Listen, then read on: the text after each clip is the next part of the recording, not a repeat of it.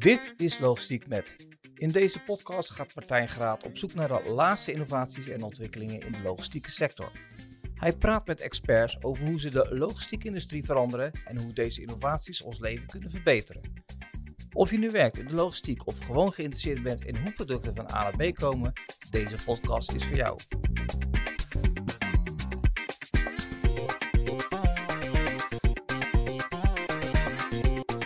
Is Logistiek met René de Koster. René is hoogleraar logistiek en operations management aan de Erasmus Universiteit Rotterdam en specialist op het gebied van magazijnlogistiek.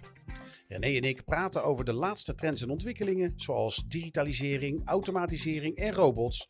Maar ook over recent onderzoek naar de invloed van persoonlijkheidskenmerken van magazijnmedewerkers en leidinggevenden op de productiviteit in het magazijn.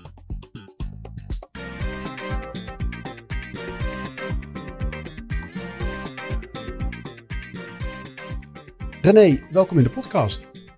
Dag Martijn, fijn jou weer te zien na al die tijd. Ja, het is inderdaad uh, lang geleden. De, de, luisteraars weten dit niet, maar uh, ik ben afgestudeerd uh, bij René. En een onderzoek gedaan naar pakketvervoerders in Nederland. En het is, ja, ik ga zo meteen aan René vragen, wat heb jij met logistiek? Maar ik denk dat René een van de redenen is dat ik iets met logistiek heb. Dus ik vind het ontzettend leuk uh, om hem in de podcast uh, te hebben. Um, ja, René, dus gelijk mijn eerste vraag. Uh, wat heb jij met logistiek? Ja, ik ben al heel lang actief in de logistiek, maar ik ben niet in de logistiek begonnen. ik ben begonnen in de logistiek bij een adviesbureau, lang geleden na mijn promotie. En ik werd daar ontzettend enthousiast van het soort werk wat daar gedaan werd. Daar was ik eigenlijk nooit mee geconfronteerd in mijn studie of in mijn promotieonderzoek. Het was mij allemaal hartstikke nieuw en ik vond het super spannend. Allemaal nieuwe technologieën. En niet alleen uh, dingen ontwerpen, dingen verzinnen, maar dan vervolgens ook nog implementeren en zorgen dat het ook daadwerkelijk werkt. Ik vond dat echt uh, fantastisch. Zo ben ik in de logistiek gerold. En ja, daarna werd ik hoogleraar meteen. Dus uh, kon ik dat overdragen aan studenten. En dat was ook fantastisch om logistiek, mijn enthousiasme voor logistiek alles wat ermee te maken heeft om het over te dragen aan studenten. Je moet je voorstellen, in die tijd stond logistiek op de universiteit toch nog een beetje in de kinderschoenen. Het was niet een, helemaal erkend vakgebied. Uh, ja, ik was een van de eerste die daar gestalte aangaf. En uh, ja, vervolgens is dat uh, gebied gegroeid en gegroeid. En je ziet het inmiddels ook op alle andere universiteiten. Er is overal wel, nou, bijna alle universiteiten, is wel een vakgroep die iets doet met logistiek. Um, uh, René, en, en uh, is jouw, jou, uh, jij bent bezig met logistiek ook in de breedste zin van het woord. Heb je bepaalde, zijn er bepaalde onderdelen in de logistiek die, die jouw specifieke focus hebben? Of, of misschien wel ben je breed bezig, maar zijn er bepaalde delen van de logistiek die jij e extra interessant vindt? Ja, ik ben wel wat breder, maar als je goed kijkt naar wat ik allemaal gedaan heb, ben ik toch vooral bezig op het gebied van warehousing. En daar zijn wel wat gebieden bijgekomen en afgegaan in de loop van de tijd. Maar die warehousing, uh, uh, de, de, aandacht daarvoor, dat enthousiasme daarvoor, dat heb ik eigenlijk opgedaan bij dat adviesbureau ben, waar ik bij ben, ben bij gaan werken. Want het bleek toen dat er op het gebied van warehousing eigenlijk in heel Nederland ja, zo goed als uh, geen onderzoek plaatsvond. Heel klein beetje. In Twente was dat destijds. En voor de rest, aan geen één universiteit werd er iets gedaan op het gebied van warehousing. En toen dacht ik, daar moet ik verandering in gaan brengen. En uh, nou goed, dat is me wel gelukt, denk ik. Ja, ik, ik kan me eh, herinneren dat een van de eerste bedrijfsbezoeken uh, die we vanuit bedrijfskunde en, en, dan de richting logistiek management deden, was bij een, een, een magazijn waar, waar, waar we een, een, rondleiding hadden. En um, dat was in ieder geval voor mij het moment dat ik wist dat ik, dit, is de, dit is de plek waar ik wil zijn.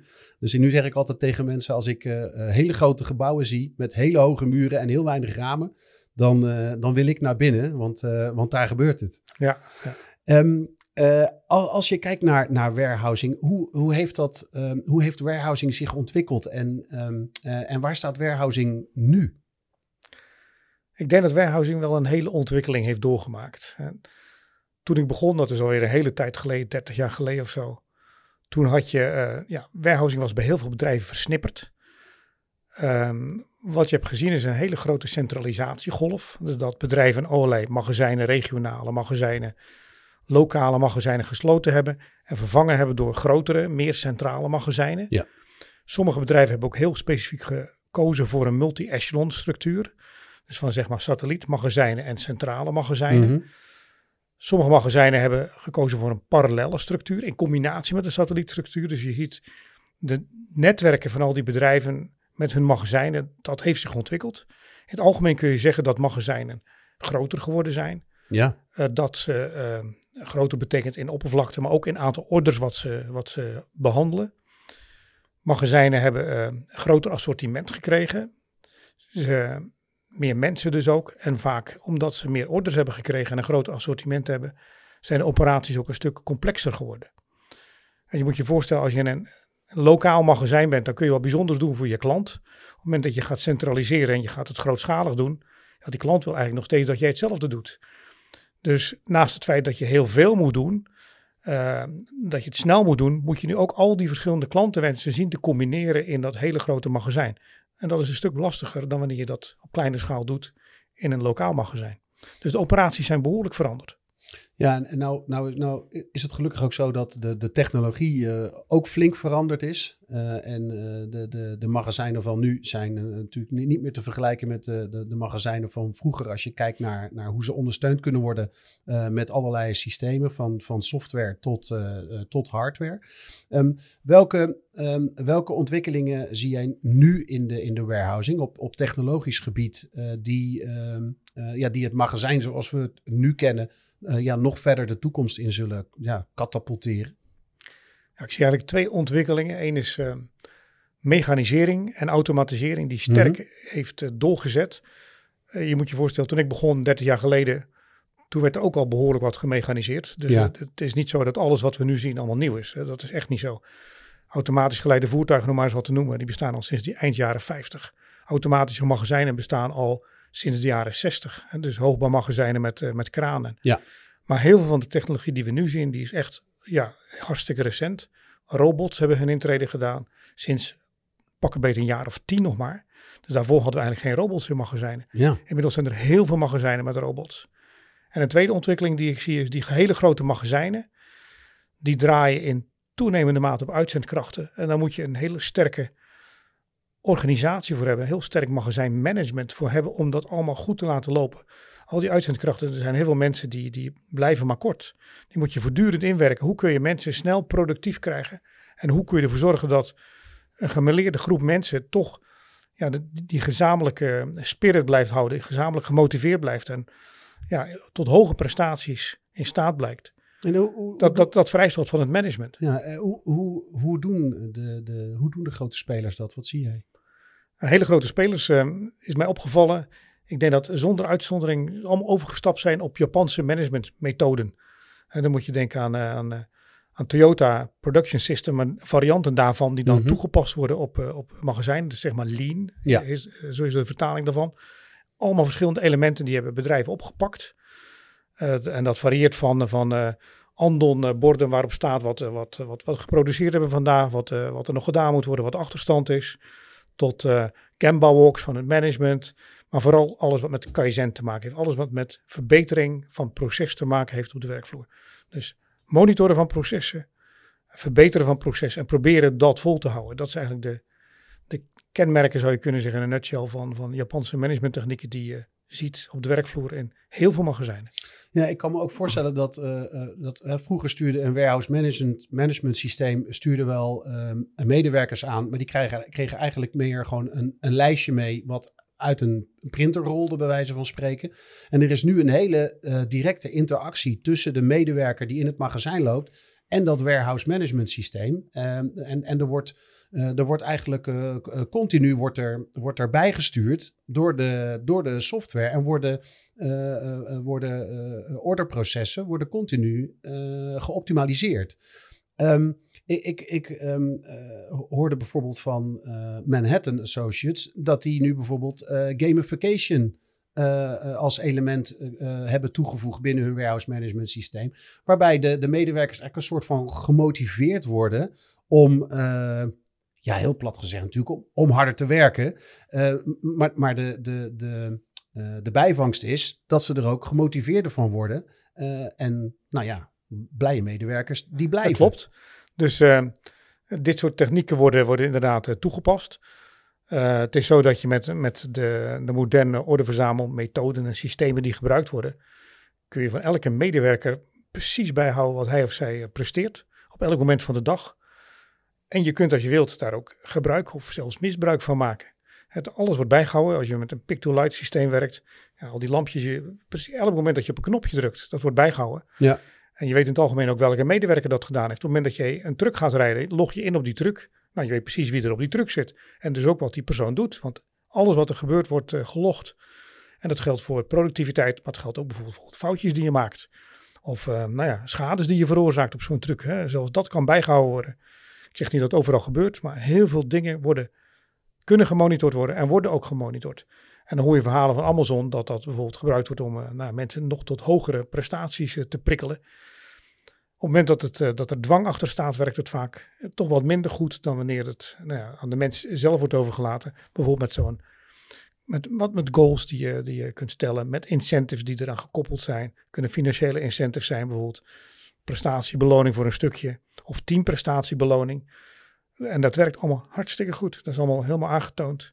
Dus uh, bijna alles wat je doet om productiviteit te verbeteren, mits het, uh, mits het niet dwang is, maar dat het een soort worst is, zal ik maar zeggen. Ja. Dat werkt. Het werkt ja. echt.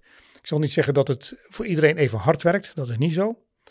Maar voor de meeste mensen werkt dat.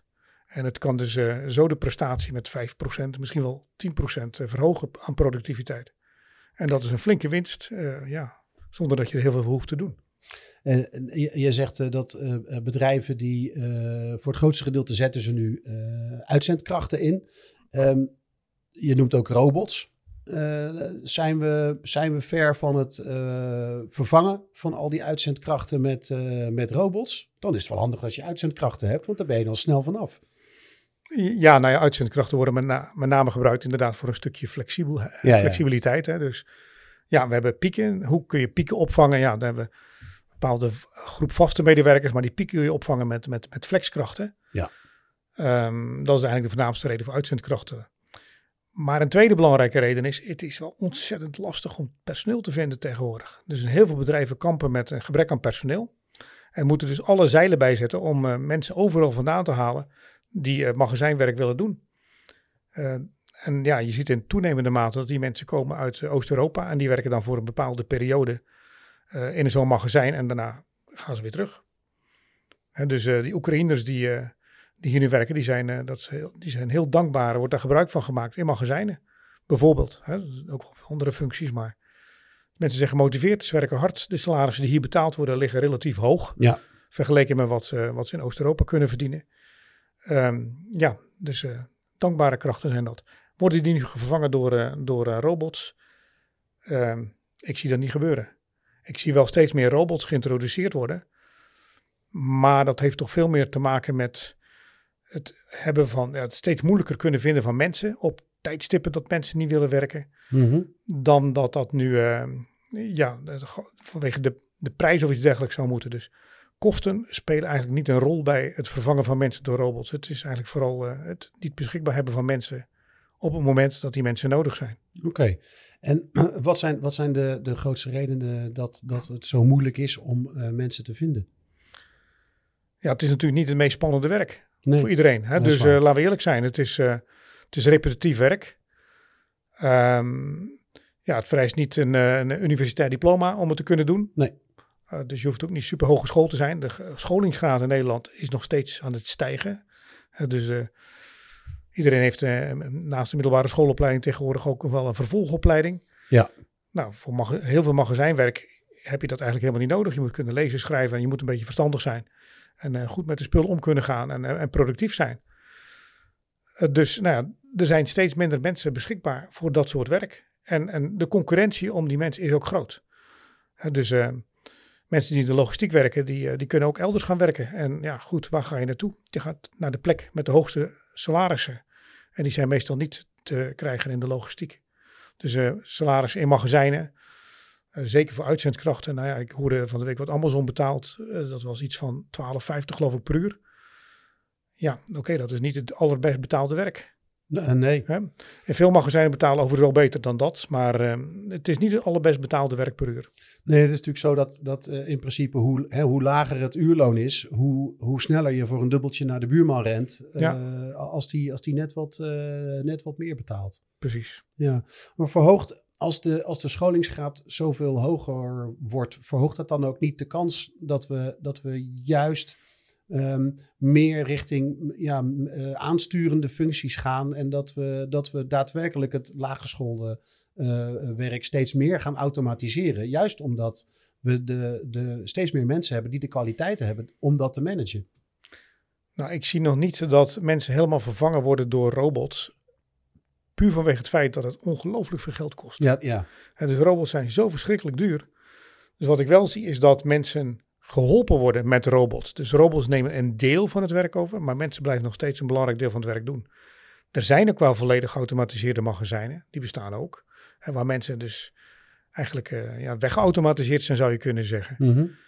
Maar dat zijn magazijnen die, uh, nou, die zijn, de investering daarvan is ongelooflijk hoog geweest. De meeste bedrijven kunnen dat niet betalen. En de meeste bedrijven kunnen dat ook niet terugverdienen op een enigszins uh, overzienbare termijn. Dus je moet hele diepe zakken hebben, wil je het kunnen betalen. En je moet een hele lange horizon hebben waarover je wilt investeren en je geld wilt terugverdienen. Want uh, binnen drie jaar terugverdienen, dat gaat in de meeste gevallen niet gebeuren. Ja, en dat lijkt me ook vooral in de dienstverlener, aan de, hè, aan de logistiek dienstverlenerkant, uh, lijkt me dat zo, zo moeilijk om, uh, om dat soort investeringen te doen. Omdat ze toch, ja, logistiek zit, zit uh, ja, wat mij betreft staan ze bovenaan als het gaat om waarde toevoegen. Ik bedoel, ik zie de waarde van logistiek, maar ik ben natuurlijk bevooroordeeld. Um, uh, maar ze staan achteraan in de rij als je kijkt naar, uh, naar de marges. Het is het kleine beetje marge wat nog over is, dat mag de logistiek dienstverlener hebben. Dan heb je het over, over een paar procent. En, um, en vaak hebben ze ook te maken met nou ja, relatief korte contracten. Dat is drie jaar of vijf, misschien vijf jaar. Um, dan, dan is het ook moeilijk om te investeren. Dat klopt. Net dus als je ziet dat er geïnvesteerd wordt bij logistieke dienstverleners in robotsystemen of in verregaande vormen van automatisering, dan is dat vaak samen met de klant. Want het is natuurlijk wel zo, op het moment dat je, dat je een robot het werk kan laten doen wat die robot heel goed kan, heel efficiënt kan, en de mens laat doen hetgene wat die mens heel erg goed kan, ja, dan kun je een, een optimale combinatie kun je verzinnen. En ja, vaak is de terugverdientermijn van zulke oplossingen die is vaak langer dan drie jaar. Dus logistieke dienstverleners willen wel investeren in dit soort systemen, maar dan moet toch de, de klant moet daar support in geven. Ja. Dus de klant moet garanties geven dat, het, dat, dat of het contract langer kan duren dan die drie jaar, of de klant moet een deel van de investering over willen nemen. En ja, de besparing is in het algemeen ook daar. Het is niet zo dat het, dat het zich niet terug kan verdienen, maar niet binnen de termijn van een contract van drie jaar. Ja. En dus wat ik, uh, laatst hoorde van de logistieke dienstverlener is, uh, ja, we hebben weliswaar een contract van drie jaar, maar we weten allebei dat hè, we hebben dit contract nu al, uh, ik noem maar wat, tien jaar of twintig jaar en het wordt dan steeds vernieuwd. Dus op het moment dat die klant ons uh, vertrouwt en verwacht dat wij dat nog kunnen doen, kan die klant een deel van de investering overnemen. Of die kunnen ons meer zekerheid geven en dan krijg, krijgen wij dat toch voor elkaar om gezamenlijk te investeren in dit soort systemen. Ja, uh, het heeft in ieder geval in de afgelopen jaren een, een gigantische vlucht uh, genomen. Ik denk dat ook, uh, nou met name het dwarsliggen van zo'n zo'n schip in het Suezkanaal. Ik denk dat dat, dat, dat een van de dingen, en de, de coronaperiode met, met de bijbehorende enorme piek in de in de e-commerce. dat dat de wereld wel een beetje heeft wakker geschud met wat het belang van logistiek is.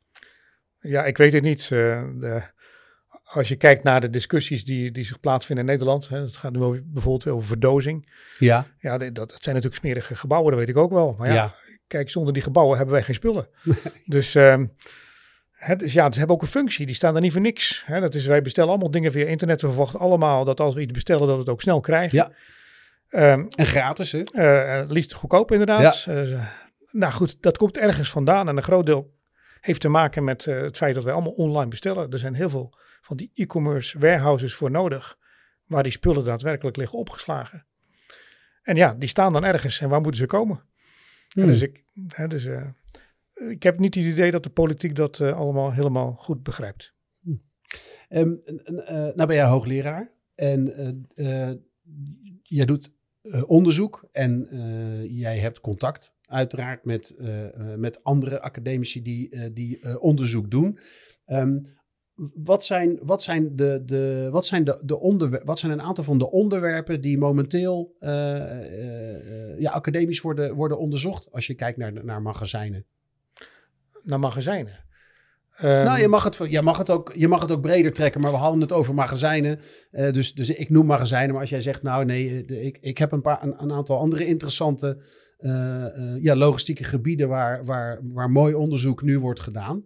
Eh, dan ja, belicht, eh, belicht die dan gerust. Nou, de magazijnen kan ik natuurlijk wel het een en ander vertellen, want ik doe zelf heel veel onderzoek Ja. op dat gebied.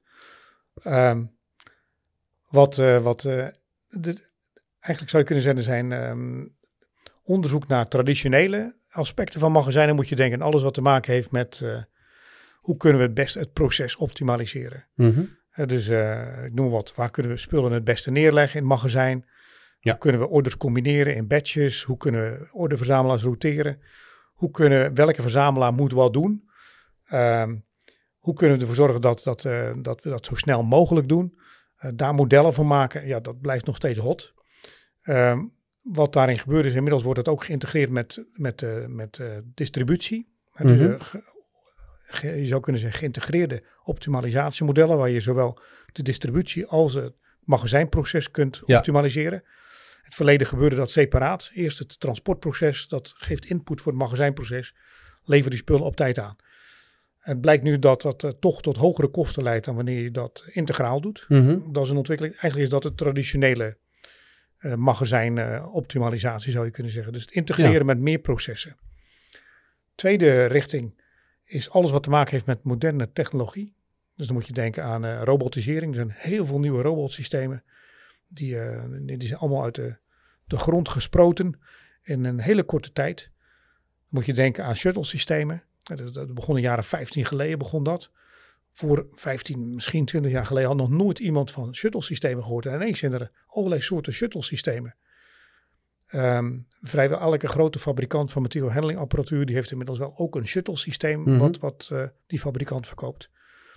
Daarna kwamen de shuttle systemen eh, waar de robots ook nog tussen verschillende lagen getransporteerd kunnen worden. Dus tier-to-tier systemen heet dat. Ja. Ehm, in plaats van tier captive systemen waar de robot een spul afzet in een lift en dat naar beneden brengt. Nee, de robot zelf kan zich verplaatsen. Daarna kwamen de systemen waar de robot vervolgens ook nog in een stelling kon klimmen.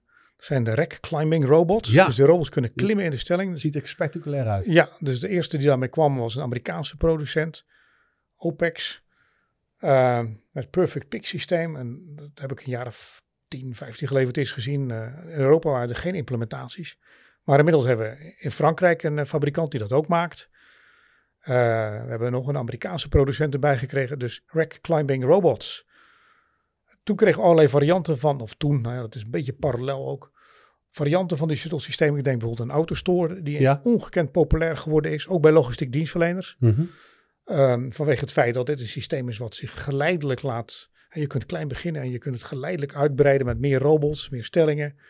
Dus je kunt klein beginnen en het mee laten groeien met je bedrijf. Dat is wel een groot voordeel. Ehm, nou, er zijn heel veel andere varianten gekomen. Op een gegeven moment kwam Kiva met zijn, eh, met zijn, eh, Ja. met zijn robots die stellingen konden eh, verplaatsen. Kortom, er zijn heel veel verschillende robotsystemen. Ehm, eigenlijk allemaal goods-to-man systemen zijn dat. Ja. En nog veel meer varianten eh, dan dat. Maar Kiva is wel eh, gigantisch groot geworden dankzij Amazon natuurlijk. Ja. Die Kiva overgenomen heeft en nu al, nou, eh, ik weet niet hoeveel robots ze inmiddels hebben. Meer dan 100.000 robots hebben ze al rondrijden in hun eigen magazijnen zelfs. Dus die is echt gigantisch gegroeid. Maar goed, dat is één kant. Vervolgens kwamen de andere soorten robots. En dat zijn de robots die met iemand mee kunnen helpen om orders te verzamelen. Ja, de, Dat cobots. Ja, dat zijn de cobots. En dat is eigenlijk een hele separate tak geworden. Hoe kun je die cobots nou het beste inzetten? Nou, kortom, er is heel veel onderzoek naar allerlei soorten robotsystemen ontstaan. Van hoe kun je die best inzetten? Welke robotsysteem is geschikt voor wat? Eh, en ook de oude traditionele vragen, die blijven ook bij de robotsystemen blijven Ja. die belangrijk. Hè? Dus Ja. hoe moet je batchen? Hoe moet je opslaan? Eh, hoe moet je robots inzetten, mensen inzetten? Hoe moet je ze routeren? En afijn, om bepaalde dingen voor elkaar te krijgen. En een hele nieuwe tak van sport die erachteraan gekomen is, hoe moet je mensen om laten gaan met die robots? Of hoe, hoe Ja.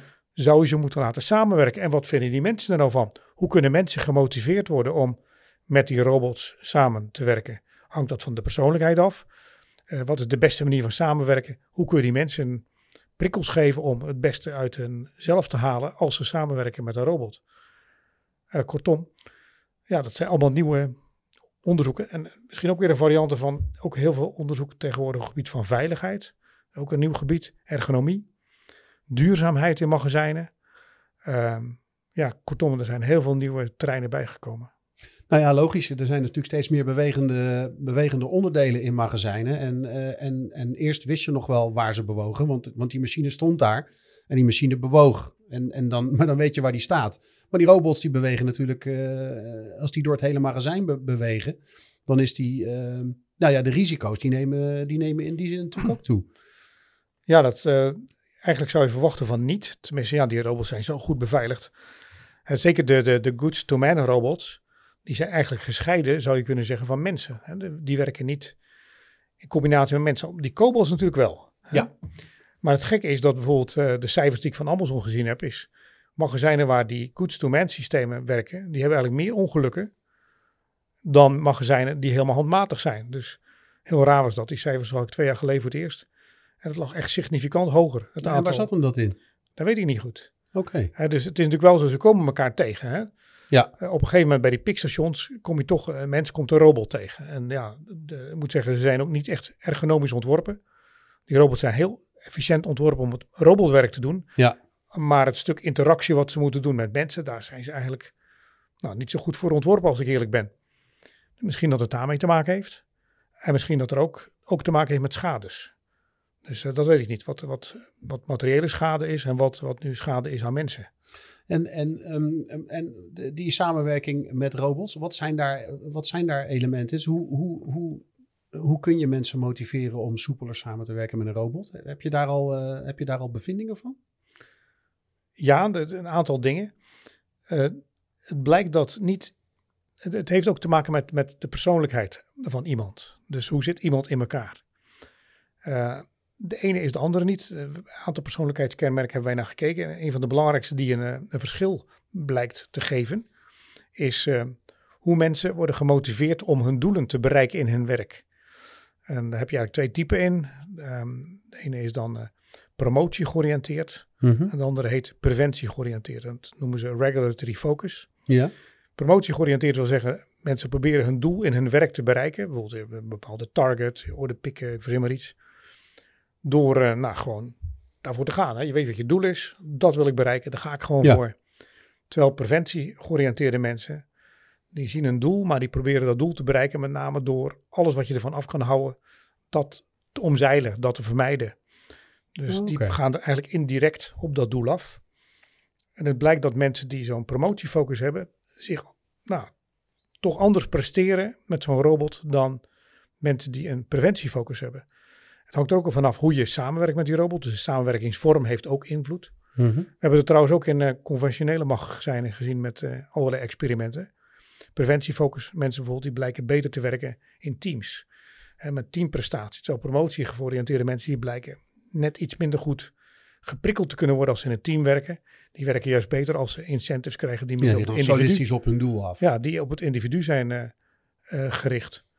En dan dan kun je er een verklaring voor verzinnen van ja, die promotie georiënteerde mensen die, die kunnen ook gefrustreerd raken als ze in een team werken. Bijvoorbeeld doordat de teamgenoten niet, eh, nou, niet goed presteren in hun ogen. Ja. Hè, dus nou, dat, dat, dat, dat verlaagt juist hun eigen prestatie ook.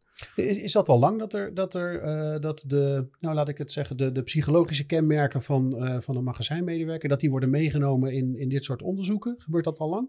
Nee, sinds, eh volgens mij was ik een van de eerste die daarmee begonnen is. Oké. Ja. Want Uh, dat is ik een had eerst interessante, promovendus is van eh, 2016. Dus die is daar vier jaar daarvoor mee begonnen. Dat was eigenlijk nog, ja, eigenlijk niet, was dat niet onderzocht. Er zijn heel veel mensen die kijken naar de psychologie van mensen. Dat is een tak van organisatiekunde die heet Organizational Behavior. Mhm. Ehm, maar die kijken vooral naar wat drijft mensen tot een bepaald gedrag. En we hebben daar een stukje aan vastgekoppeld. Welk soort gedrag leidt nou tot betere prestatie? En hoe kun je dat gedrag dan vervolgens beïnvloeden? Dus eh, de mensen in organizational behavior die kijken eigenlijk vanuit het individu Ja. naar wat wat eh, stimuleert, wat drijft naar zo'n persoon tot het entamineren van eh, bepaald gedrag. Maar wij proberen dat te vertalen naar organisatieniveau. En dat was daarvoor eigenlijk nog niet gebeurd.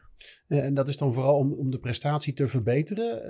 Eh, kan datzelfde worden toegepast juist om te kijken hoe organisaties zich moeten aanpassen om te zorgen dat, eh, dat die verschillende type personen die ze in dienst hebben, dat die blijven? Ja, retention is natuurlijk best lastig te onderzoeken. Eh, want ja, wij, wat wij doen is bijvoorbeeld lab-experimenten. Ja, dan kun je niet echt retention. ja, dat lukt je kunt niet. vragen aan mensen van, van eh, wat vind je leuker of dat kan allemaal. Maar of het ook echt werkt in de praktijk, dat is natuurlijk slecht, eh, dat, dat is lastig te onderzoeken. Ja, dus het is een hele goede vraag, hè, Martijn. Dat is iets wat ik in de toekomst nog graag zou willen doen. Nou ja, als, je pas, als, als jij zegt we zijn hier pas een aantal jaren mee bezig, dan, dan, is er, dan is er ook nog genoeg te onderzoeken. Ja, dus zat leuk werk. Het is niet zo dat, dat, eh, ja, dat de verschillen altijd zo duidelijk zijn. We hebben bijvoorbeeld laatst een experiment gedaan met, eh met uh, vorkheftruckchauffeurs. Of, nou, of het was met een simulator, dus een vorkheftruck simulator Mhm. die ook gebruikt wordt voor het opleiden van, van chauffeurs. Hebben we gekeken van wat is nou de, de verhouding tussen productiviteit en veiligheid. Dus we brengen mensen in situaties waarin ze zowel productief moeten zijn, maar waar ook risico's zijn. Je kunt bijvoorbeeld een stelling raken met zo'n virtueel apparaat of zelfs een mens. Ja. En eh, ja, goed, we proberen mensen in een bepaalde conditie te brengen. Bijvoorbeeld focussen of op productiviteit, hè, benadrukken productiviteit, of veiligheid, of allebei, of niks. Mhm. Dat is de controlesituatie dan. En kijken dan hoe die prestatie, de keuze die mensen maken, afhangt van hun persoonlijkheid. Die effecten zijn er wel, maar ze zijn ook al niet allemaal super sterk. Dus als die effecten niet heel erg super sterk zijn, dan is het ook lastiger om er gebruik van te maken als manager. Maar het is zeker zo dat die effecten er wel zijn. Dus een andere, bij andere experimenten krijgen we die effecten veel duidelijker te zien. Dus het effect van persoonlijkheid op gedrag wat mensen entameren. En ook de prestatie die ze dan vervolgens daarmee leveren. Eh, wat, wat, eh, wat, wat gaat het, bedrijfsleven, wat gaan eh, de, de, de, de, de magazijnmanagers, de logistiekmanagers, wat, wat gaan die eh, merken van de onderzoeken die je aan het doen bent? Of zijn een aantal van die onderzoeken, komen die juist vanuit die magazijnen, waarbij ze zeggen, nou René, we, hebben hier, we zitten hier met een probleem, kun jij daar eens naar kijken? Of, of, zie, jij, of zie jij juist eh, zaken waarvan je zegt, nee, die gaan wij onderzoeken, eh, waarbij je bijvoorbeeld bevindingen hebt en juist tegen de, de, de- tegen de magazijnmanager de logistiekmanager zegt: hey jongens, hebben jullie hier alles naar gekeken? Hoe, hoe, hoe gaat dat in zijn werk? Hoe is die wisselwerking? Nou, het gaat twee kanten op. Laat ik eerlijk zijn, de grootste wisselwerking gaat uit van de praktijk naar mij. Ja. Dus ik zie wat en dan denk ik, waarom doen mensen dat? Is dat wel een slimme keus? En dat is spannend, maar zit ook echt goed in elkaar. Dus mensen die, worden, die moeten elke dag beslissingen nemen in, in de praktijk. En die Ja. beslissingen nemen ze ook gewoon. En er wordt over nagedacht. En ja, dat wordt gewogen en er wordt een beslissing gemaakt. Dat is niet altijd een optimale beslissing, maar het is wel een, overwogen beslissing. En soms zie je dat die beslissingen inderdaad ook optimaal zijn.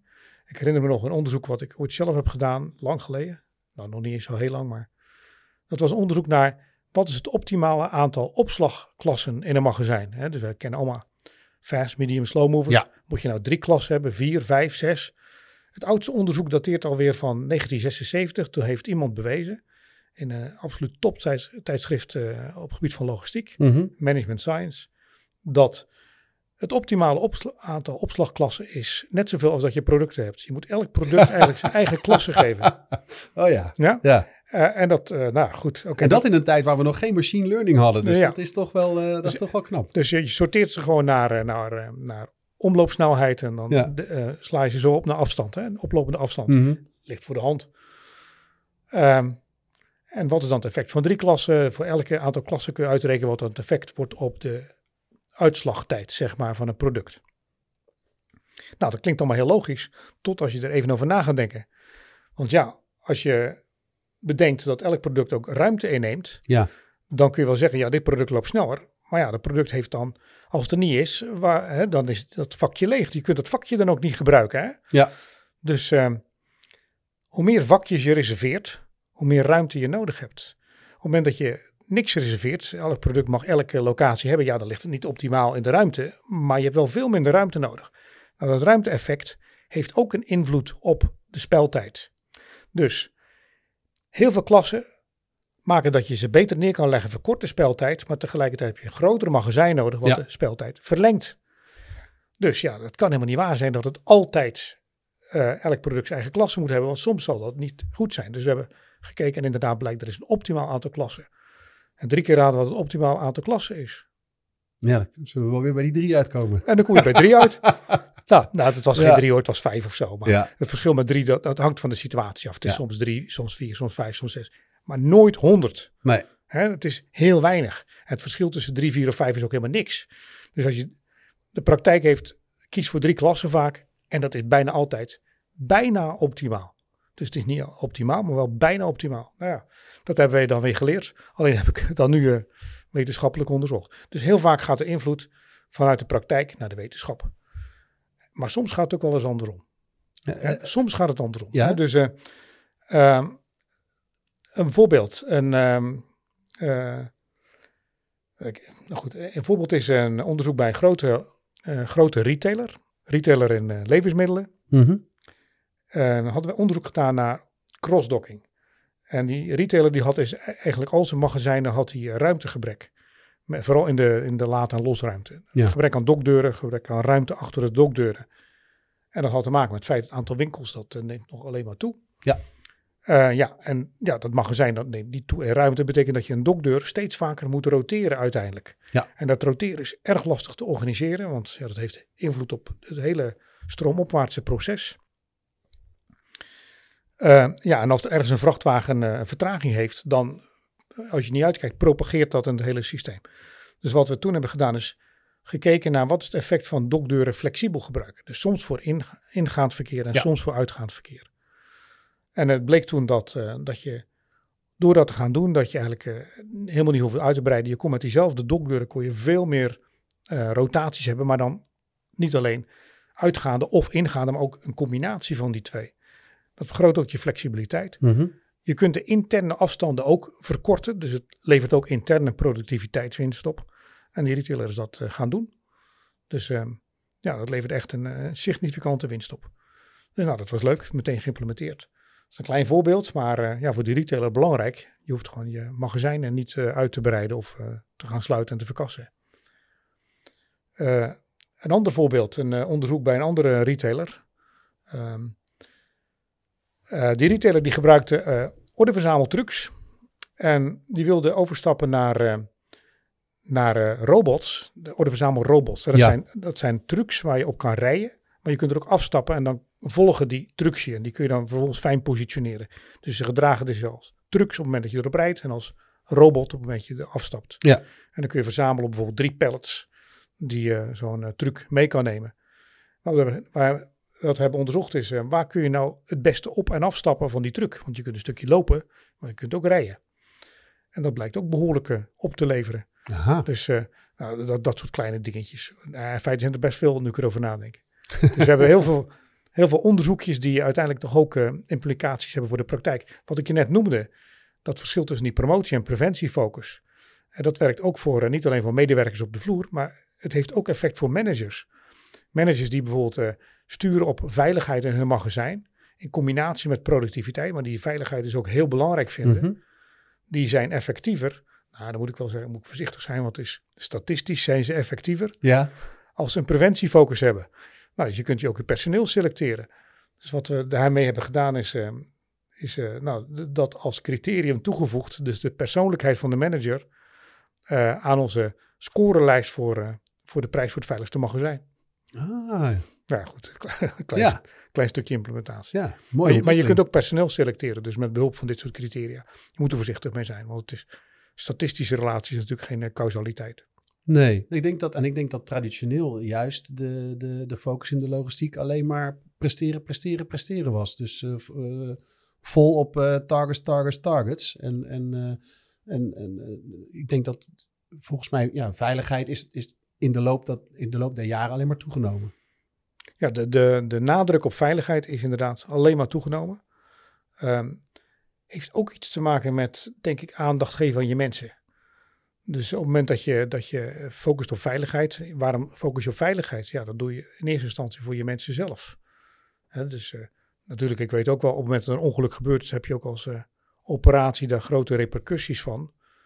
Negatieve publiciteit, Ja? verzuim, eh, noem maar op. Er zijn Ja. kosten mee gemoeid. Maar je doet het toch vooral ook voor de mensen zelf. Ehm, dus ja, je geeft aandacht voor de mensen. En alle maatregelen die je vervolgens treft om die veiligheid te bevorderen, zijn ook maatregelen die leiden tot betere werkomstandigheden voor je mensen. En je mensen appreciëren dat. En ook om echte veiligheid voor elkaar te krijgen, moet je ook je mensen betrekken. Dus je kunt dat niet top-down doen, dat, dat werkt eigenlijk nauwelijks. Eh, je moet dat ook bottom-up willen doen. En op het moment dat je bottom-up doet, geef je mensen verantwoordelijkheid. Je geeft ze medezeggenschap. En dat wordt ook eh, gewaardeerd. En dat betekent dat ja, dit soort bedrijven leiden tot betere processen voor de mensen. Waar mensen gemotiveerder zijn, waar mensen beter in de vel zitten. Ja, nou, en, in, en dat in een, in een branche waar mensen moeilijk te vinden zijn, eh, lijkt dat wel absoluut de. Ja, de- en dus, dat is niet alleen maar productiviteit. Hè? Dus Nee, nee. je, je moet die dingen in balans zien. Uh, maar veiligheid bijt ook niet productiviteit. Hè? Dus uh, het is niet zo dat het leidt tot hogere productiviteit, maar het leidt zeker ook niet tot lagere productiviteit. We zien eigenlijk geen relatie met productiviteit. Dus het kan perfect bestaan naast je streven naar goede productiviteit. Um, René, als jij uh, in jouw, in jouw glazen bol kijkt naar de, naar, de, naar de toekomst, wat zijn dan de, de, de, de grootste technologische ontwikkelingen? Dus wat, welke technologische ontwikkelingen zitten er aan te komen uh, uh, die een hele grote impact gaan hebben op wat er gebeurt in magazijnen? Ik vind het wel moeilijk. Ik moet eerlijk zeggen, de ontwikkelingen die ik nu de laatste tien jaar heb gezien, had ik denk ik tien jaar geleden niet kunnen voorspellen. dus uh, ik, ik vind het wel lastig. Bijvoorbeeld, nou ja, de laatste beurs, de laatste Logistica Next beurs, ja. zag ik die, die robots van Hik Robot. Hè, dat, Mhm. is, uh, dat zijn robots die kunnen rond, rondrijden in magazijn. Die combineren in feite de, uh, de, de, goede aspecten van, van uh, robots die rond kunnen rijden en dingen op kunnen halen. Eigenlijk van mensen Mhm. die vroeger gewoon rondjes liepen of reden in een magazijn dan spullen verzamelen. Met wat mensen goed kunnen. Namelijk uiteindelijk pikken. Dus ze verzamelen een hele order, allemaal bakken. Ja. En vervolgens haalt de mens dan een complete order uit al die bakken die eruit gehaald zijn. Dus die kan van alle niveaus kan die, kan die uh, bakken uitslaan. Een, een redelijk goedkope robot. Ja, ik vond het een, uh, weer een openbaring. Ja, die bestaan alweer vijf maar jaar. pakte die bakken of pakte die stuks? Nee, hij pakt bakken. Bakken. Oh ja. Maar hij pakt alle bakken met producten voor een complete order. Of voor Mhm. een batch orders. Dus in tegenstelling tot bijvoorbeeld de autostore die één bak pakt. Ja. Of tot een heleboel andere shuttle systemen die één bak tegelijk kunnen uitslaan. Kan deze robot dus een rondje rijden in het magazijn. En overal van elke locatie de juiste bak afhalen voor een order. Mhm. Nou, eh, leuk idee. Eh, ik had het niet verzonnen. Ehm, dus eh, kan ik verzinnen wat er over tien jaar gaat gebeuren? Ik, nou, ik denk dat het door blijft gaan. Nieuwe type robots die ik niet had verwacht. Aantal type robots zie ik ook niet zo snel gebeuren. Bijvoorbeeld robots met een armdrop die rondrijden magazijn die stuks kunnen pikken uit een, uit een, uit een, van een locatie. Tenzij er hele goede ontwikkelingen plaats gaan vinden op het gebied van uh, batterijen. He, dus de, de, de, de, die robots die kun je wel maken, maar ze hebben gewoon te weinig uh, ja, dat kost batterijcapaciteit. Kost, kost heel veel energie. Dus je krijgt hele grote, zware, lompe dingen. Werkt niet goed. Dus je moet lichte, kleine robotjes hebben die dat kunnen. Nou, dat, dat werkt niet goed in combinatie met de batterijen die nu beschikbaar zijn. Ja. Dus we moeten andere vormen van stroomvoorziening hebben. Wil dat uh, gaan werken, en dan kan het ook. Ja. Maar ik zie die goede batterijtechnologie nog niet echt uh, komen. Die een robot acht uur kan laten werken. Um, ik zie wel ontwikkelingen op het gebied van duurzaamheid. Dus uh, dat, dat is ook een ontwikkeling die nu al in, in gang gezet is en die blijft doorgaan. Ja. Er worden tegenwoordig eigenlijk geen magazijnen meer gebouwd zonder een, uh, een vorm van, van uh, nou, niet alles wordt gecertificeerd, maar wel magazijnen die, die toch nou, niet al te veel stroom gebruiken, die, waar gelet wordt op de kwaliteit van de materialen. Um, ja, waar bezuinigd wordt zeg maar op, op stroomgebruik of die stroom zelf opwekken. Dus dat, dat is eigenlijk standaard. Dat blijft doorzetten. Alle grote projectontwikkelaars zijn ermee bezig. De grote logistieke dienstverleners willen ook geen, uh, geen stroomvretende magazijnen meer. Um, dus ja, de magazijnen worden steeds meer zelfvoorzienend met betrekking tot de energie. En ook steeds duurzamer. Dus Ja. ook op andere aspecten. En, um, dat blijft doorgaan. Ik zie ook steeds meer robotisering toch. Um, met name goedkopere robots. En meer systemen die meer uh, plug-and-play zijn. En daar is een gigantische behoefte aan. behoefte blijft bestaan. Plug-and-play systemen die niet al te duur zijn ook. Want je hebt wel plug-and-play systemen, maar die zijn hartstikke kostbaar. Bijvoorbeeld conveyors die je echt in elkaar kan klikken. Maar dat betekent dat elk systeem zijn eigen motor heeft, zijn eigen sensoren heeft, zijn eigen decentrale besturingsunit heeft. Al die dingen die erin geïntegreerd zijn, maken die module duurder. Ja. Dus er is behoefte aan plug-and-play systemen die goedkoop zijn. Ja, en hoe, hoe langer we ermee bezig zijn, denk ik, hoe goedkoper ze worden ook. Hè? Dat is ook zo. We hebben op een gegeven moment krijg je een schaalvoordeel. Uh, maar ook uh, je eigen uh, robot die je zelf in elkaar kan zetten. Hè? Dus welke elementen wil je erin hebben? Welke sensoren wil je erin hebben? Nou ja, het zijn allemaal standaard componenten tegenwoordig. Ja. Er is weinig spannends meer aan. En wat het doet is vooral de software. Nou ja, software kun je altijd, hè, die kun je toch overal vandaan halen, even downloaden. Dus je zet je robot in elkaar zoals je hem wil hebben. Moet die transport, hoogtes, lengte, een paar verbindingsstukken ertussen de, de app apparatuur erop die je erop wil hebben. Plug and play. En Hmm. dan de juiste software downloaden. Waarom niet? Nou, ik verzin het nu ter plekke. Ja, Hey, ik vind het goed klinken. Moet ik patent op aanvragen op dit idee? Maar Ja, Nee, flauw. Ja. Ik heb de eerste ideeën al gezien trouwens. Van echt een, een soort robot die eh, gedeeltelijk zelf te assembleren is. En bestaat ook op andere gebieden. hè. Die conveyor die ik net noem, die bestaat echt. Die kun je helemaal eh, opbouwen zoals je zelf wil. Elke layout geven die je zelf wil. En het ding, blij- en het ding werkt gewoon. En je zet er een bak op. Er zit een chip in en die zegt ik wil naar die eindbestemming. En dat Mhm. ding zoekt uit hoe die vervolgens op die eindbestemming aankomt. Alles kan door elkaar, geen enkel probleem. ja. ja ik denk ook dat dat, dat, dat eh, de, de eh, ja, software is heel belangrijk. Die, hardware, die software, die robots en die mensen. Het wordt allemaal, het wordt steeds meer verweven. Het, het zit steeds dichter in elkaar. En ehm, eh, ja, het is mo- mooi om eh, van jou te horen ehm, eh, dat er nu ook nog zelfs gekeken wordt naar de, naar de psychologische kant. En wat voor soorten mensen in het magazijn rondbewegen en wat voor types we daar het beste kunnen hebben. En, ehm, en wat ik ook mooi vind om te horen is dat, eh, dat juist de, de, zowel de managers als de mensen die eh, focussen eigenlijk op eh, veiligheid. En het, hè, dus, dus dat we zeggen, het, de mensen die zorgen dat ze zelf veilig zijn en dat ze het goed voor elkaar hebben, dat, dat, dat die eigenlijk op de lange termijn zelfs nog productiever zijn als de mensen die alleen maar, alleen maar jakkeren om het, om het getalletje te, te halen. En jij zegt dat het dan eh, statistisch is. Ehm, en eh, nou, ik, ik, ik hoop dat we, daarachter, dat we er echt ook achter gaan komen dat dat geen statistiek blijkt te zijn, eh, maar dat het echt zo is. Ja, dat hoop ik ook. Alleen ik heb het nog niet kunnen aantonen hoor. Nee. dus, Nou, Ja. ehm, maar ik denk echt dat het zo is. Eh, René, ehm, ik wil je heel erg bedanken eh, voor het, eh, het toelichten van de onderzoeken waar je mee bezig bent. En voor het geven van je visie op, op de magazijnen van vroeger, de magazijnen van nu. En al helemaal de magazijnen van de, van de toekomst. En ja, ik, ik, ik blijf je onderzoeken volgen. Ik vind het hartstikke interessant.